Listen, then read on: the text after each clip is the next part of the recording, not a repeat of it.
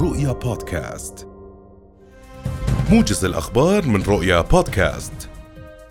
أكد الرئيس الأمريكي جو بايدن أن قوات بلاده لن تنخرط في أي قتال ضد روسيا لكنها ستحول دون تقدم القوات الروسية باتجاه الدول الأوروبية. كما أعلن الرئيس الأمريكي أن بلاده أغلقت مجالها الجوي أمام جميع الرحلات الجوية الروسية وذلك على خلفية العملية العسكرية الروسية في أوكرانيا. أعلن الجيش الأوكراني أن قوات روسية محمولة جوا نفذت إنزالا في خاركيف مؤكدا أن قواته تخوض قتالا ضاريا في ثاني كبرى مدن البلاد. وقال الجيش أن قوات روسية هبطت في خاركيف وهاجمت مستشفى محلي. فيما أفادت وزارة الدفاع الروسية بأن قواتها تسيطر بالكامل على المركز الإقليمي لمدينة خيرسون جنوب أوكرانيا.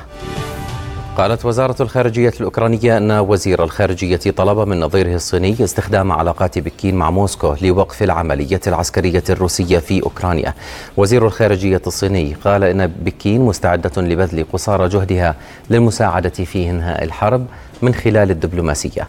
وكان الرئيس الأوكراني فلاديمير زيلينسكي قد أعلن مسبقا استعداده للتفاوض مع الرئيس الروسي فلاديمير بوتين.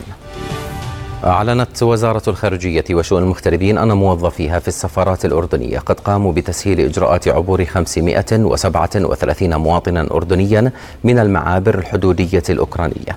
وقالت إنه تم تأمين الأردنيين وعائلاتهم بكل أشكال المساعدة والخدمات الضرورية والعمل على تسهيل عودتهم إلى المملكة.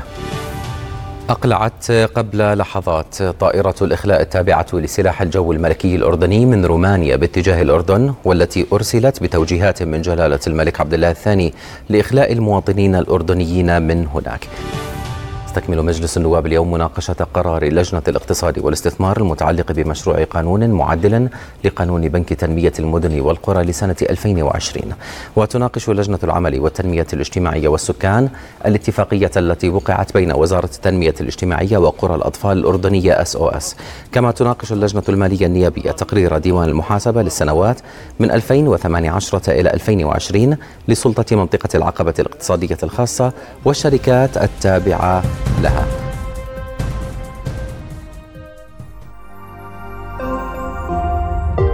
رؤيا بودكاست.